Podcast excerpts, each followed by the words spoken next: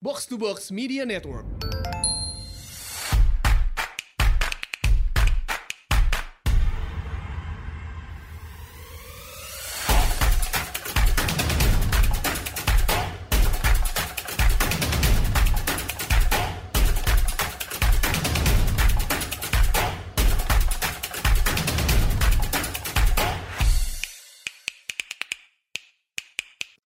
Selamat datang di Asumsi Bersuara. Kali ini kita akan coba kupas satu topik yang mungkin menarik buat kita di Indonesia, namun masih banyak nih yang bertanya-tanya apa yang sedang terjadi gitu kan. Yaitu tentang uprising atau quote unquote ya, quote unquote uprising atau uh, gelombang protes yang sedang terjadi di Thailand saat ini. Nah, uh, gue kedatangan uh, Mas Maulana Ibrahim. Uh, Mas Lana ini mahasiswa S2 di um, Thammasat University di Bangkok, Thailand, uh, Asia Pacific Studies. Mas Lana, selamat datang di Asumsi Bersuara, Mas. Halo, selamat datang juga. Terima kasih, Ray, sudah diundang. Ya, uh, pertama kali tahu so, tahu Mas Lana ini dari abis dengerin podcast Bebas Aktif sebenarnya bulan lalu. Uh. Karena ada bahas soal Thailand di sini. Mungkin pendengar kita abis ini juga boleh lah mampir ke sana, menarik menarik tuh pemaparannya juga. Nah, uh, cuman masih banyak sih kayaknya yang bisa kita gali lebih dalam nih, Mas. Uh, yang kayaknya kayaknya menarik sih tentang apa yang sedang terjadi di Thailand gitu. Mungkin sedikit intro dari gue untuk yang belum belum pernah dengar tentang hal yang sedang terjadi ini di Thailand tuh lagi ada proses besar-besaran gitu yang kayaknya sih udah mulai dari awal tahun sempat mereda karena pandemi Covid tapi sekarang lagi lagi gaining up steam lagi gitu. Nah, pertama-tama nih Mas Lana uh, mungkin uh, sebelum kita lebih jauh ke dalam Mas Lana boleh coba um, jelaskan nih apa sih sebenarnya yang di di, lagi dipeributkan gitu. Kalau baca-baca kan ini ada protes ter, ter, terhadap pemerintahannya uh, Perdana Menteri Prayut gitu melebar ke kritik terhadap monarki segala macam. Ada apa nih Mas yang yang sedang terjadi? Mungkin boleh di, dijelaskan. Oke, sebelum menjawab ke substansi dan lain-lain ya, gue pengen disclaimer dulu. Uh, soalnya di sini juga lumayan hit gitu ya uh, situasinya antara uh, pemerintah dan juga uh, para demonstran gitu. Uh, jadi gue nggak terlibat di dalam political movement apa pun. Jadi memang uh, di sini sebagai mahasiswa dan observasi aja gitu. Walaupun kemarin sempat beberapa kali ke lapangan, yeah. cuman lihat-lihat aja. Nah, untuk uh, yang terjadi sekarang sebenarnya uh, permasalahan utamanya adalah uh, konstitusi ya. Hmm. Jadi uh, separation of power antara uh, pemerintahan, kemudian monarki dengan uh, dikepalai oleh raja, kemudian juga uh, orang gitu, people. Karena kan memang di secara sekilas terlihat bahwa Thailand adalah constitutional monarchy. Cuman kalau misalkan kita lihat lagi uh, di konstitusi terbaru Thailand yang sekarang dipakai, hmm. itu uh, involvement raja dalam proses politiknya itu sudah sangat apa ya intervention gitu. Interventionnya hmm. uh, lumayan kuat karena dimulai dari proses uh, legislasi undang-undang, kemudian uh, uh, ikut campur ke dalam proses uh, parlemen juga sangat uh, tinggi gitu. Bahkan ada juga uh, anggota parlemen yang uh, bisa dipilih langsung oleh uh, dari monarki.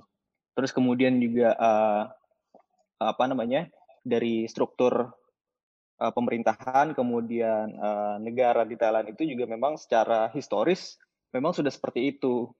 Dan itulah yang kenapa kalau misalnya kita ngomongin tentang Thailand nggak bisa melihat apa yang terjadi tahun ini aja. Memang hmm. sejarah sejarahnya panjang. Dilihat dari 1932 itu pertama kali adanya uprising untuk mengubah dari absolute monarki menjadi constitutional monarki 1932. Terus kemudian uh, selama proses politik di Thailand dari 1932 sampai sekarang uh, apa namanya aktor-aktor yang terlibat itu nggak jauh beda, sama aja gitu. Makanya di Thailand juga terkenal dengan political instability-nya. In hmm. fact sampai sekarang itu sudah ada 20 konstitusi yang uh, uh, ada di Thailand gitu. Jadi sudah berubah sebanyak 20 kali. Hmm. Memang kalau misalnya di misalnya let's say di Indonesia deh, uh, kita kan uh, konstitusinya uh, UUD 1945 walaupun ada uh, revisi empat kali amandemen gitu ya yeah. di setelah reformasi. Nah, kalau misalnya di Thailand itu udah banyak kali uh, banyak banget berganti-ganti sampai 20 kali. Hmm. Kira-kira gitu. Dan itulah yang kenapa uh, banyak uh, pergerakan sekarang mahasiswa khususnya dan uh, kalangan anak muda pengen mengubah konstitusi dan juga uh, dari pihak oposisi kemudian dari pemerintah juga uh, sekarang masih membahas uh, proposal pro, uh, perubahan konstitusi tersebut. Dan itu cuma satu ya. Konstitusi ini uh, bukan berarti cuman sebagai uh, apa ya simptomnya aja gitu, bukan ke hmm. dasar dari uh, root cause dari permasalahannya. Yang dilihat dari uh, apa namanya pergerakan itu, mereka terbagi lagi. Ada yang memandang bahwa yang bermasalah ini adalah pemerintahannya dari uh, General Prayut sebagai Prime Minister. Tapi ada juga yang melihat bahwa root cause sebenarnya itu adalah di monarkinya. Bahkan kemarin sempat ada trending kan Republic of Thailand gitu ya. Hmm. Nah itu yang kenapa pengen uh, benar-benar nge-abolish uh, monarki di Thailand. Jadi sampai uh, tidak ada yang lebih tinggi daripada orang lain. Ini konsepnya maksudnya uh, equal before uh, apa ya uh, law gitu ya. Yeah, Jadi nggak yeah, ada yang lebih tinggi daripada konstitusi. Kira-kira seperti itu. Ya, yeah. um, kalau dilihat sebenarnya si General Prayut itu mulai junta militer Thailand sekarang itu kan dari 2014 ya. Iya. Sebelumnya sempat beberapa kali ganti ganti prime minister dari Taksin, terus siapa, terus adiknya gitu. Itu tapi sebenarnya peran militer tuh di Thailand udah besar dari zaman dulu, Mas. Iya betul. Atau atau baru pas Yunta ini aja? Uh, sebenarnya kalau misalnya ngebaca sejarah politik di Thailand, memang sudah dari dulu uh, sangat berpengaruh dalam proses politik ya. Apalagi dilihat di tahun 1976. Uh, coba nanti dibaca, uh, dicari deh 6 Oktober 1976. Itu nanti ada di uh, Google gitu ya. Ada Tamasat Massacre. Nah itu sebenarnya yang menjadi uh, front line dari demonstrasi di tahun 1976 itu mahasiswa Tamasat University dan itulah juga kenapa uh, Tamasat Uni ini dikenal sebagai kampus yang sangat progresif kemudian uh, secara politik juga sangat aktif gitu ya menentang pemerintahan walaupun dulu sejarahnya Tamasat ini juga di, dibentuk dari kerajaan gitu. Tapi ini kampus lo nih ya? Iya kampus gue yang sekarang makanya hmm. gue juga masuk sini karena memang uh, dilihat dari sejarah uh, politiknya, sejarah uh, pergerakannya juga uh, lumayan aktif gitu dibandingkan hmm. kampus-kampus yang lain.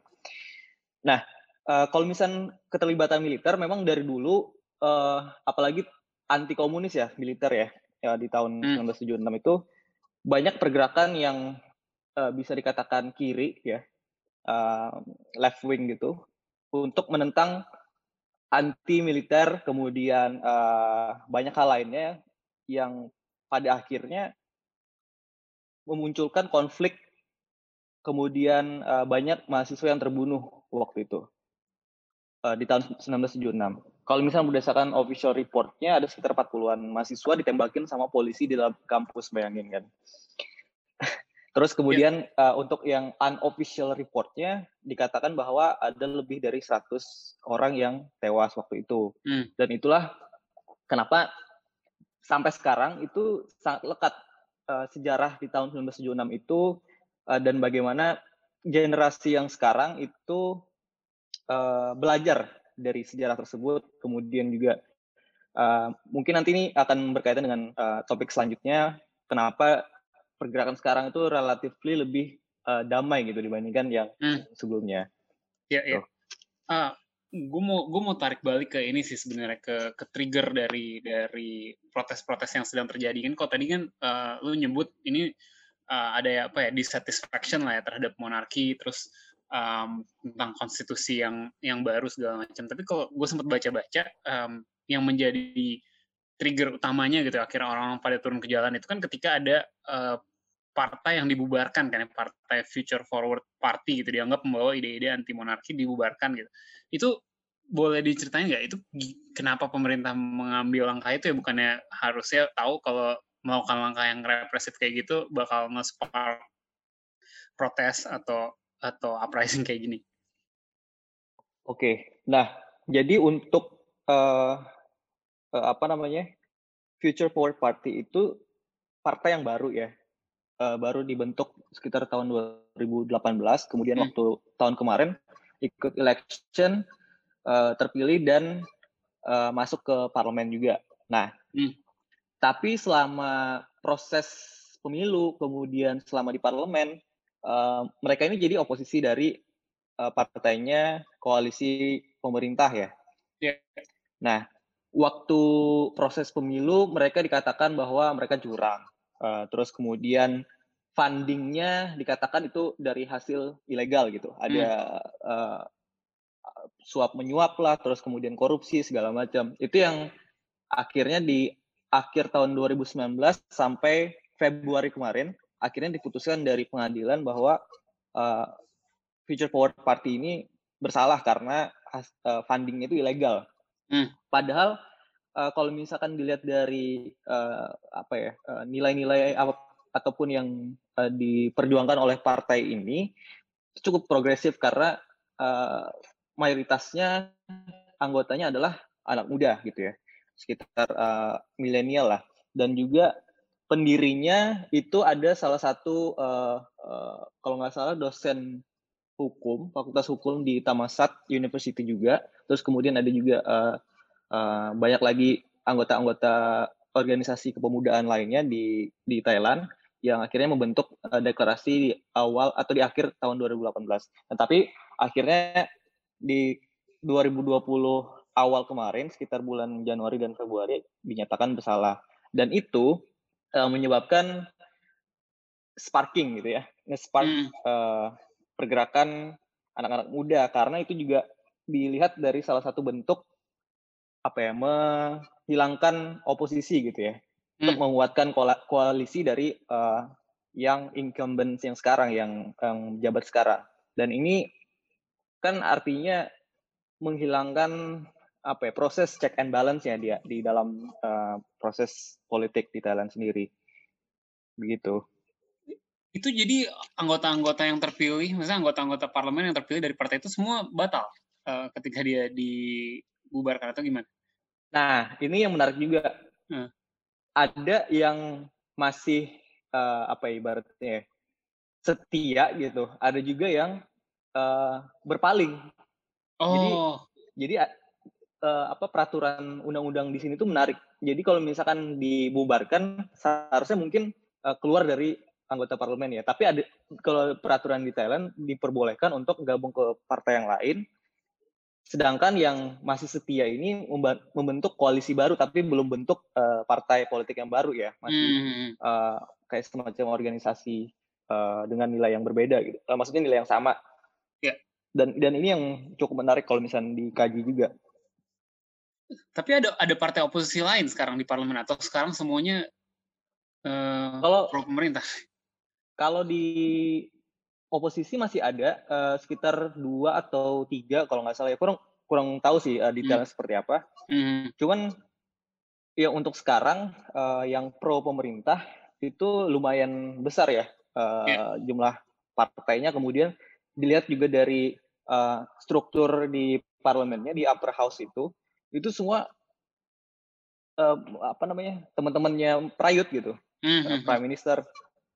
In fact waktu dia terpilih menjadi prime minister, semua upper house itu uh, menunjuk Prayut untuk dijadikan prime minister dengan uh, komite apa namanya uh, ketua komitenya adalah deputy uh, prime minister yang sekarang.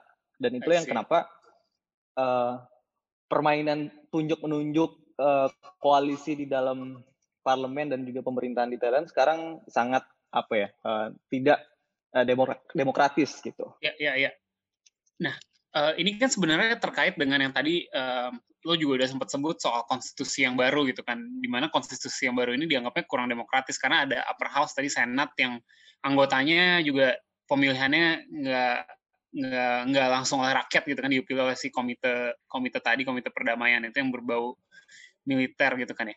Tapi yeah. yang menarik sebenarnya adalah konstitusi ini kan sebelumnya direferendumkan kan di 2016 dan yes. dan di referendum itu menang lumayan mutlak ya 60% lebih gitu. Jadi 60% hmm. lebih rakyat Thailand uh, mendukung uh, konstitusi baru ini. Kok pertanyaan gue kok bisa gitu? Kok kok bisa nah, menang uh, kayak begini ya?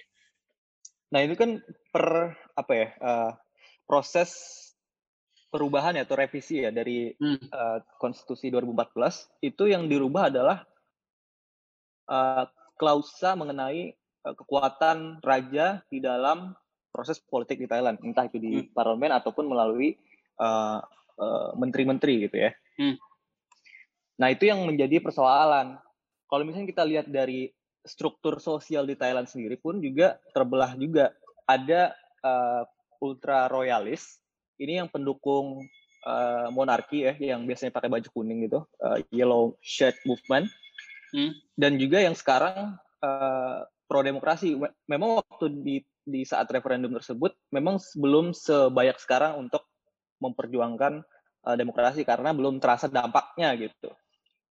Itulah yang kenapa waktu terjadi referendum itu uh, mungkin ya uh, banyak uh, apa namanya uh, masyarakat yang mendukung karena waktu itu juga sebelumnya kan uh, Raja di Thailand dipimpin oleh uh, King Bumibol ya. Hmm. Dan, dan setelah 2016 waktu dia meninggal terus digantikan oleh anaknya yang sekarang menjadi raja juga itu memang menjadi satu persoalan dan juga critical juncture perubahan proses politik di Thailand karena juga di setelah dia menjabat di tahun 2016 dan 2017 uh, eh, awal di situlah di saat dia mengekspansi kekuatan politiknya di dalam uh, proses politik di Thailand seperti itu.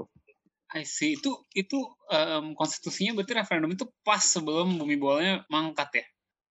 Um, maksudnya si referendum tadi mungkin masih bisa di um, masih masih bisa diterima masyarakat karena waktu itu rajanya um, masih masih King Bumibol atau bukannya dia meninggalnya tahun 2016 juga ya?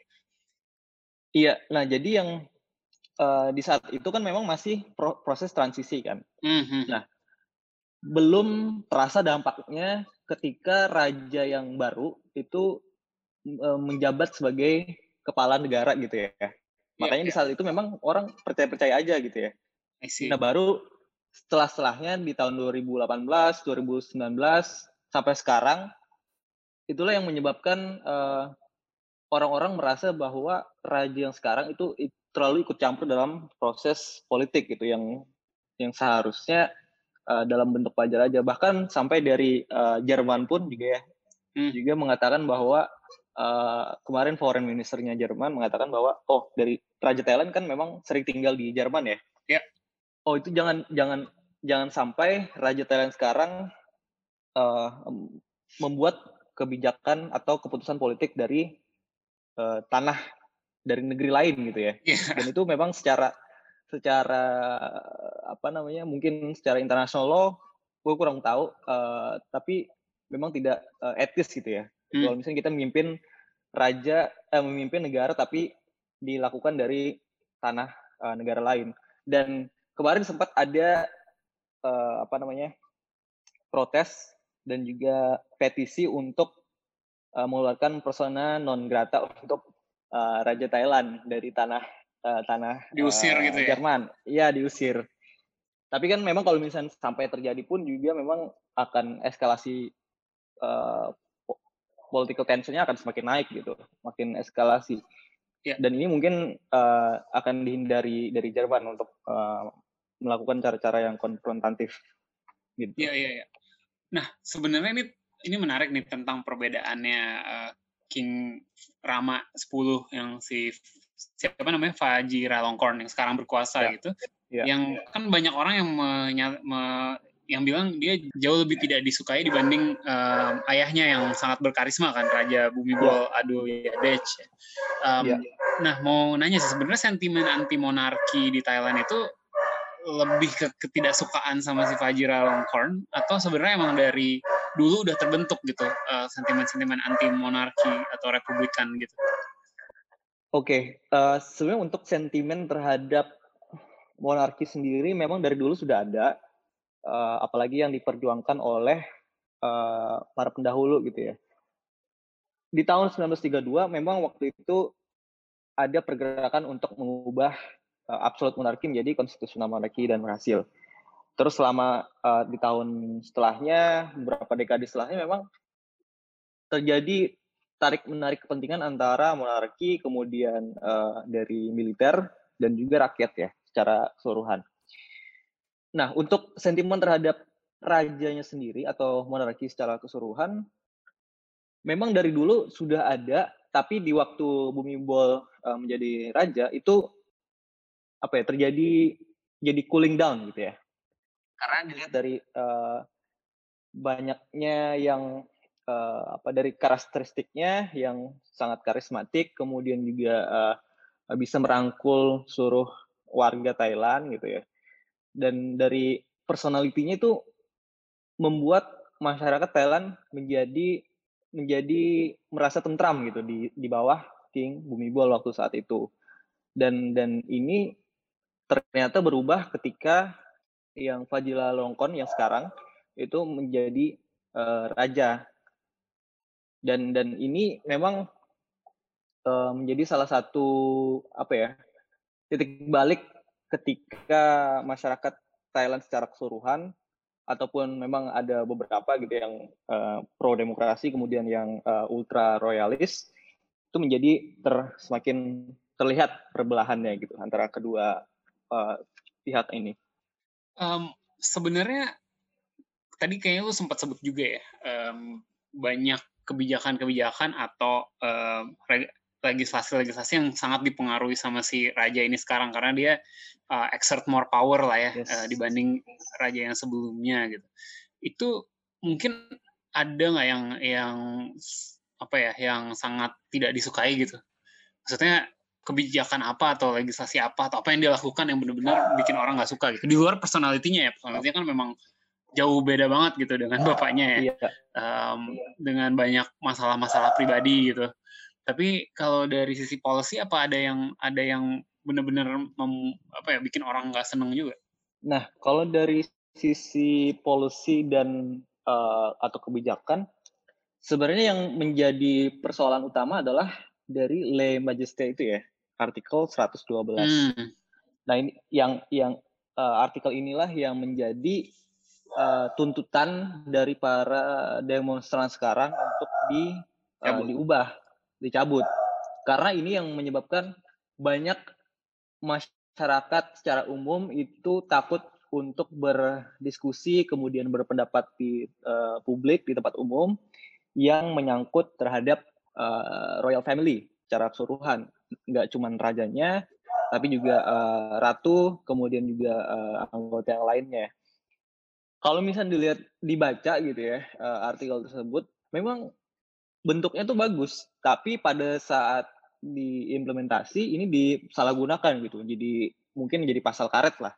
Banyak orang-orang yang ditangkap kemudian uh, hilang begitu saja karena mungkin uh, mengkritik royal family secara hmm. terbuka, kemudian uh, um, melontarkan semacam tuduhan-tuduhan uh, yang tidak uh, berbukti, kemudian itu di akhirnya di, dijadikan alasan untuk menangkap mereka-mereka uh, ini.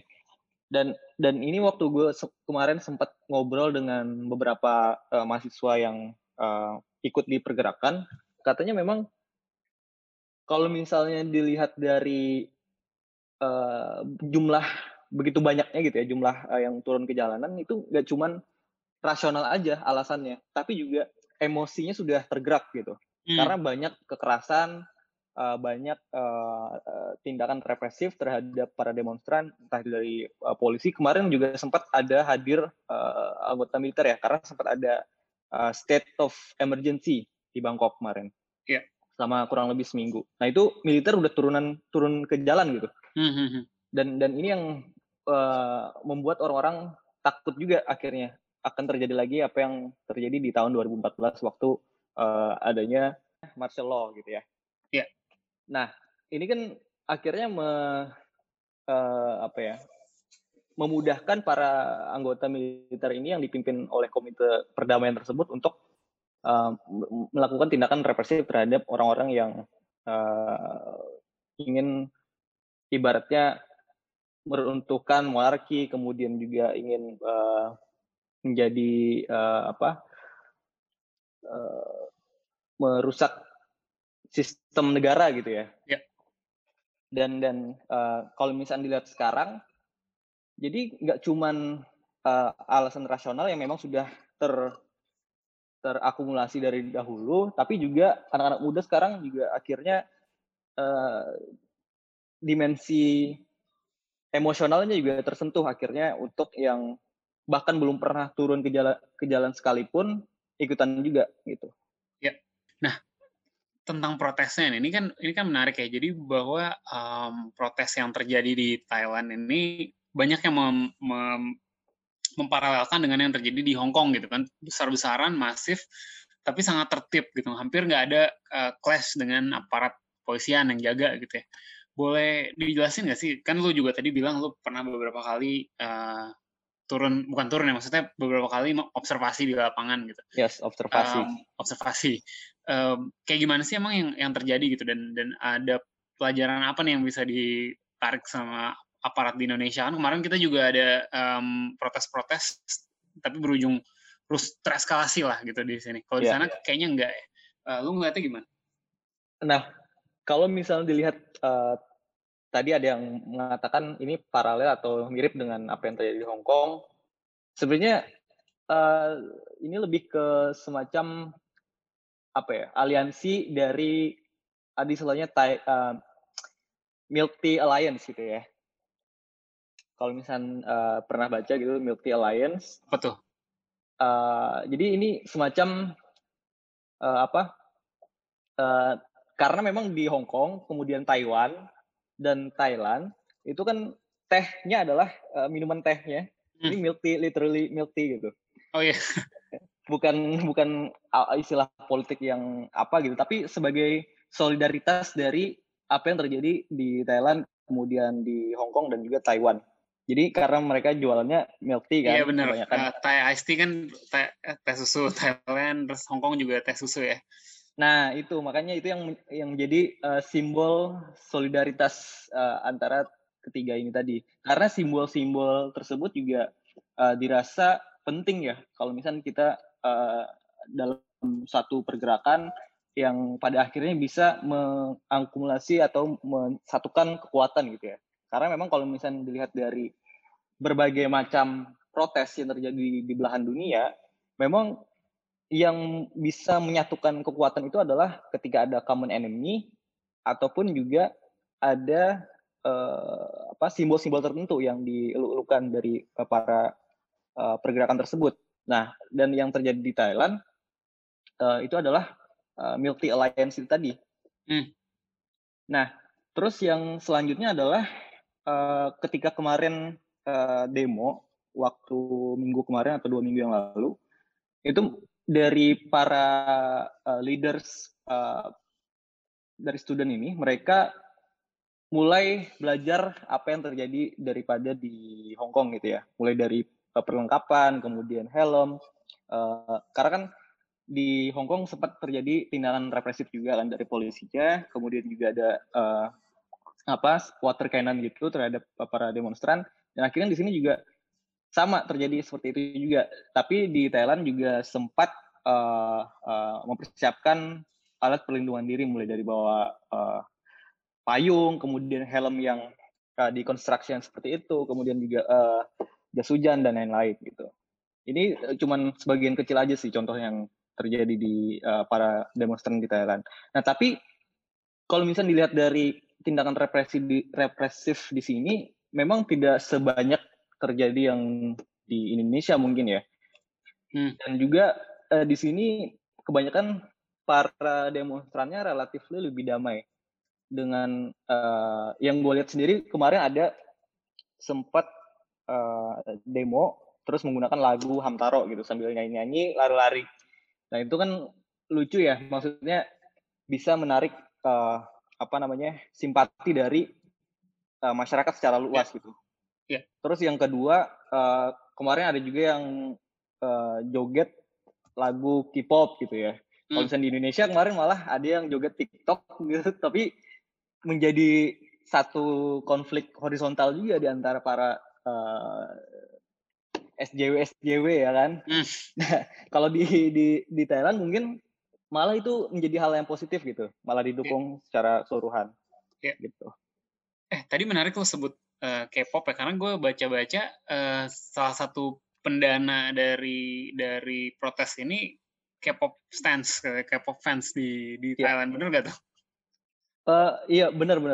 Jadi ada uh, kemarin uh, semacam undangan atau petisi gitu untuk uh, apa namanya menyumbang uang. Jadi jadi karena di sini kan sistem bankingnya kan mudah ya, tinggal kasih QR code orang-orang bisa ngesend uh, uang. Ada yang mulai dari 10 bat lah sekitar 4.500, hmm. ada yang 20 bat kayak 10 ribu, 9 ribu. Jadi dari hal-hal yang kecil kayak gitu ternyata diakumulasi memang uh, sangat besar gitu. Karena di Thailand kan juga uh, basis fans K-popnya nggak jauh kalah dengan jumlahnya di Indonesia gitu. Karena di sini hmm. lumayan banyak juga pasar untuk K-popnya.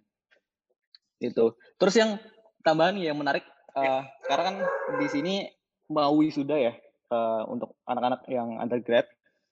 Jadi uh, salah satu bentuk protes mereka adalah tidak datang ke wisuda atau graduation ceremony gitu. Karena di, di wisudaan di Thailand ini itu kayak setahun tuh cuman uh, kurang lebih sekali atau dua kali dan itu langsung di dihadiri oleh raja gitu ya. Jadi hmm. yang memindahkan toga ataupun uh, ngasih ijazah itu dari royal family. Hmm. Dan dan uh, bentuk perlawanan muda sekarang apalagi yang baru lulus gitu, uh, itu mereka nggak mau hadir di wisuda itu. I see, I see, I see. Um, gue mau nanya satu hal yang menurut gue menarik banget. Jadi ada artikel dari uh, Washington Post uh, nyebutin bahwa uh, salah satu alasan kenapa nggak tereskalasi ini karena protes, karena polisi-polisi di Thailand ini banyak yang cenderung bersimpati juga sama para pendemo gitu, karena katanya mereka juga ada selek lah gitu ya dengan tiga lembaga yang sedang berkuasa gitu, monarki, militer, dan mungkin juga pemerintah gitu. Lu ada ada insight nggak soal, soal ini? Ini menarik sih menurut gue. Nah, uh, kemarin gue sempat lihat foto uh, salah satu polisi mengacungkan simbol tiga jari ya. Nah, iya, iya. Hunger Games itu ya. Iya. Nah, ini menarik sih. Cuman waktu gue baca uh, dari beberapa artikel, kemudian juga sempat tanya juga, memang secara keseluruhan ini skalanya masih kecil gitu. Cuman beberapa polisi aja yang seperti itu. Tapi hmm. Memang kan kalau misalnya dalam uh, struktur uh, aparat seperti itu, memang kan harus mengikuti arahan dari atasan ya. Ya. Nah, yang terjadi di bawah ini yang turun di lapangan kan polisi-polisi yang uh, masih baru diangkat atau kemudian yang baru lulus SMA terus langsung daftar polisi atau polisi-polisi uh, muda gitu yang turun ke jalanan. Nah mereka memang ini mungkin ya ini asumsi gue ya. Uh, mereka mungkin punya satu pemikiran yang sama karena mungkin faktor uh, usia juga. Karena yang dilawan ini kan sesama sesama apa ya kurang lebih umurannya sama gitu ya. Uh, masih mahasiswa satu atau undergrad ataupun juga bahkan ada anak-anak SMA juga yang uh, turun ke jalan. Dan ini mungkin uh, menjadi salah satu alasan juga. Terus yang gue sempat baca juga di websitenya Pracatai itu media oposisi. Itu mereka mengatakan bahwa cuman ada sejumlah kecil polisi yang uh, merasa perjuangan ini juga harus uh, bisa gitu bisa berhasil. Uh, berdasarkan mahasiswa eh, polisi yang diwawancarai tapi tetap anonimus ini mereka katanya sadar bahwa atasan-atasan polisinya pun juga uh, korup gitu ya. Hmm. Karena kan mungkin uh, ada berbagai banyak berbagai macam sistem-sistem uh, yang mungkin tidak konstitusional gitu. sih. Nah, um, gue mau nanya nih terakhir. Menurut lo, uh, Lan, kira-kira protes atau uprising ini sebenarnya ada harapan ya nih sebenarnya kan uh, itu kan Indian um, yang dilakukan ini tuntutannya ada ada kemungkinan untuk didengarkan atau untuk bisa bisa apa ya bisa berhasil nggak ya? Oke, nah sebelum masuk ke menjawab uh, apakah ini akan berhasil atau enggak, gue pengen cerita dulu tentang yang kemarin uh, minggu kemarin katanya uh, para demonstran ini sempat ngibulin para polisi gitu ya. Oh iya iya. iya. nah ini menarik juga, lucu, agak lucu nih. Uh, katanya besok hati-hati jam 5 sore bakal ada big surprise. Terus pas ditungguin besoknya polisinya udah jaga-jaga kan di setiap eh, apa MRT station gitu atau uh, BTS. Ternyata nggak ada apa-apa. Jadi baru di post hmm. lagi sama akun uh, Tamasat Front uh, Student Movement uh, bahwa big surprise-nya adalah tidak ada surprise. yang, yang uh, akhirnya menyebabkan para polisi merasa uh, dikibulin gitu. Terus yang kedua untuk uh, mengurangi apa ya jumlah polisi yang hadir gitu akhirnya ada salah satu trik yang mungkin gue baru tahu ini sih triknya di di Thailand mungkin di Hong Kong sudah ada atau kurang uh, tahu gitu seperti apa cuman waktu itu kemarin uh, para leaders demonstran ini menyuruh untuk nungguin di masing-masing MRT station terdekat gitu ya terus akhirnya di beberapa uh, waktu terakhir, menit terakhir baru diumumin, oh misalnya kita bakal demo di Victory Monument nih di hmm. Bangkok hmm. gitu ya. Oh ya udah berarti yang orang-orang nungguin di MRT station itu langsung berangkat naik eh, MRT langsung ke Victory. Terus akhirnya di situ kan uh, mungkin ada polisi yang jaga tapi jumlahnya akhirnya kalah gitu kan dengan uh, jumlah para demonstran ini. Hmm. Ini cukup cerdik juga sih uh, untuk mengantisipasi uh, banyaknya jumlah polisi yang jaga jaga-jaga. Terus kemarin gue juga sempat baca artikel dari Asumsi ya di uh, di upload gitu yang mengenai pedagang kaki lima yang katanya mereka lebih tahu posisi tempat demo demonya dibandingkan para polisi gitu. Yeah. Kar karena katanya uh, bahkan juga sampai ada meme banyak banget meme mengenai uh, para pedagang kaki lima ini di, dianggap sebagai CIA agent gitu ya. karena tukang bakso lebih ya? tahu yang gitu-gitu ya eh nah terus um, uh, lanjut oke okay. nah terus untuk apakah dikatakan bisa berhasil atau tidak kalau menurut gue sih uh, ini menjadi hal yang baru di Thailand. Selama sejarah politik di Thailand demo-demonya karena di sini juga terkenal dengan political instability memang ini situasi yang baru gitu. Gue sempat diskusi juga kemarin dengan dua profesor di kampus gue uh, nanya pendapat mereka. Mulai dari uh, proyeksinya kemudian uh, intervensi dari luar seperti apa kemudian kira-kira dari pihak bisnis seperti apa gitu ya karena ini juga nggak cuma berdampak pada sistem kenegaraan sistem politik tapi juga ke bisnis gitu ya yeah. nah kalau misalnya dilihat dari berbagai macam jenis demo yang terjadi yang pernah terjadi di dunia memang kalau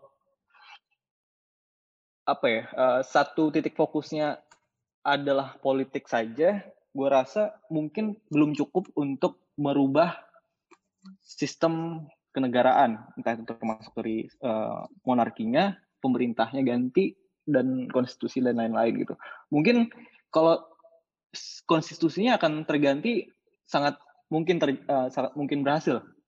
Tapi apakah struktur political institutionnya tetap berubah uh, juga ikut berubah kemudian uh, intervensi dan sejauh mana mereka bisa exerting their power terhadap uh, institusi yang lain gitu ya ini kayaknya mungkin akan sama aja kalau misalkan yang menjadi apa ya driving factors itu cuma politik gitu. Kalau misalnya kita lihat di negara-negara lain kayak di Arab Spring, ini uh, yang menjadi faktor lainnya adalah ekonomi gitu ya. Kalau hmm. di Thailand mungkin saat COVID ini oke okay, uh, eh, banyak yang terdampak ekonomi, uh, tapi memang secara majority di sini sudah uh, COVID sudah relatif lebih stabil, kasusnya cuma 3.500. Jadi kalau misalnya dia jadikan alasan untuk dipolitisasi, juga orang-orang uh, won't buy gitu. Jadi nggak hmm. akan percaya gitu atau uh, patuh. Terus Kemudian kalau misalnya kita lihat di uh, di Indonesia contohnya deh di ini misalnya ngomongin comparative politics ya. Di yeah. zaman dulu Soekarno jatuh oke okay, mungkin gara-gara salah satu uh, perbedaan ideologi dan uh, waktu itu komunis ya. Tapi juga kita kadang lupa bahwa di saat uh, Soekarno uh, turun itu terjadi hyper uh, inflation sampai 500 persen. Yeah. Nah itu juga salah satu faktornya ekonomi. Terus kemudian Soeharto turun itu nggak cuma uh, politik sosial aja, tapi juga ekonomi, Asian Financial Crisis. Jadi yang menyebabkan perubahan struktur uh, negara, kemudian political institution dan juga power structure dan power relations di macam-macam negara gitu, nggak cuma di Thailand. Mungkin ini kalau kita ngomongin terlalu teoritis ya, tapi gue masih percaya dengan uh, kalau misalnya cuma sisi politik politiknya aja tidak akan bisa uh, mengubah secara penuh gitu. Apa yang uh, sesuai dengan apa yang diinginkan oleh uh, para demonstran sekarang kurang lebih seperti itu. Ya. Terus um, juga uh, boleh tambahan dikit? Boleh boleh. Nah yang yang dari per, diperjuangkan dari awal tahun kemarin dari Februari sampai sekarang itu juga akhirnya menyebabkan nggak cuman vertikal konflik lagi gitu antara masyarakat dan juga para uh, uh, aktor negara antara pemerintah, parlemen dan juga monarki ya. Tapi juga terjadi uh, konflik yang horizontal antara ultra royalis yang Yellow Shirt Movement uh, yang simpatisan dengan uh, royal family, tapi juga versus dengan uh, pergerakan pro demokrasi gitu. Dan ini dilihat di jalanan juga uh, mereka pukul-pukulan uh, lumayan lumayan uh, apa rep, represi juga represif juga di jalanan.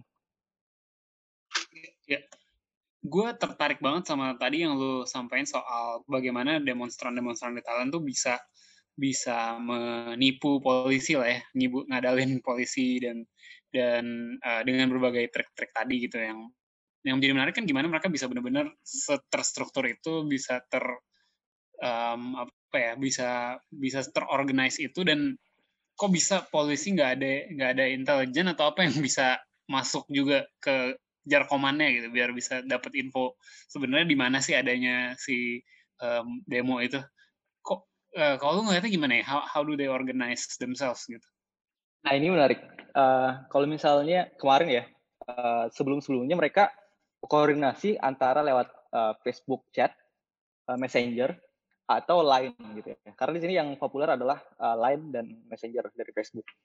Terus hmm. Mereka mungkin merasa oh ini mungkin bisa disadap nih melalui Line atau Facebook Messenger, terus mereka berubah pindah ke Telegram. Hmm. Dan Telegram ini ternyata servernya ini Telegram ini kan buatan Rusia ya, Rusia. Yeah. Dan servernya ini di luar Thailand, nggak ada di Thailand. Jadi nggak bisa yeah. di di otak-atik. Dan ini yang membuat akhirnya uh, jalur komunikasi para demonstran ini mungkin agak susah ditebak gitu ya. Beda dengan sebelum-sebelumnya yang uh, cuman pakai uh, apa line dan juga messenger. Terus juga akhirnya salah satu profesor gue yang sekarang ngajar ini memang dia adalah uh, oposisi gitu dan hmm. dia pemilik pemilik uh, apa namanya media terbesar oposisi di Thailand. Terus juga dia sempat beberapa kali jadi buronan juga uh, mengatakan bahwa oh pergerakannya sekarang ini lebih jauh terstruktur dan juga uh, beberapa representatif tiap kampus juga mengadakan uh, apa namanya semacam koordinasi yang lebih advance gitu dibandingkan sebelum-sebelumnya karena juga mereka belajar dari pengalaman pengalaman-pengalaman yang sebelumnya khususnya yang di tahun 76 tadi dan itulah yang menyebabkan sekarang mungkin lebih canggih aja gitu I see, I see. Oke, okay. uh, Mas Lana, mungkin terakhir banget dari lu, ada nggak nih hal lain yang menarik atau hal lain yang menurut lu penting untuk pendengar kita tahu tentang apa yang sedang terjadi di Thailand yang kayak dari tadi belum sempat kita bahas atau belum sempat gue tanya ini, Mas? Hal menarik yang lainnya apa ya? Mungkin dari teman-teman di Indonesia, kalau misalnya uh, melakukan perjuangan mungkin oke okay. Banyak yang turun ke jalanan tapi apakah semua ini paham gitu dengan substansinya apa yang sedang diperjuangkan mungkin eh, nggak uh, bisa di generalisir juga bahwa yang turun ke jalanan itu juga paham bahwa apa yang diperjuangkan gitu tapi setidaknya yang menjadi saat membawa yang bisa membawa perubahan adalah ketika yang memperjuangkan tahu apa yang dia perjuangkan gitu. Jadi nggak hmm. cuman bis ikut ke jalanan, tapi juga cuman pengen eksis gitu ya, atau pengen uh, terlihat aktif secara politik gitu. Jadi kalau gue masih percaya bahwa orang yang benar-benar bisa menggerakkan ataupun juga bisa tergerak gitu uh, untuk uh, melakukan suatu perjuangan, entah itu membawa nilai-nilai demokrasi, kemudian mem meminta bahwa uh, pemerintah ataupun aktor negara lainnya bisa lebih akuntabel sesuai dengan prinsip-prinsip demokratis secara substantif dan juga secara prosedural bahwa mereka harus paham setidaknya dengan poin-poin dasar tersebut. Jadi jangan cuma bahwa uh, yang penting oh ini mereka jelek, mereka jelek gitu. Uh, aktor negara jelek karena bla bla bla bla gitu. Tapi tidak paham dengan secara substansialnya seperti apa. Kurang lebih itu aja sih. Oke, Mas Lana, thank you banget atas waktunya udah mencerahkan kita tentang apa yang sedang terjadi di Thailand. Menarik banget uh, insight-insight hari ini yang kita dapat. Thank you banget, Mas. Siap, siap, siap. Sama-sama. Oke, untuk para pendengar, seperti biasa, jangan lupa follow Asumsiko, follow Tubox ID. Mas Lana, ada akun sosmed yang mau dipromosiin? Uh, at Ibrahims, I-B-E-R-A-H-I-M-S. Ibrahims. At okay. Ibrahims. Oke, okay. yep. sampai jumpa lagi hari Selasa depan. 交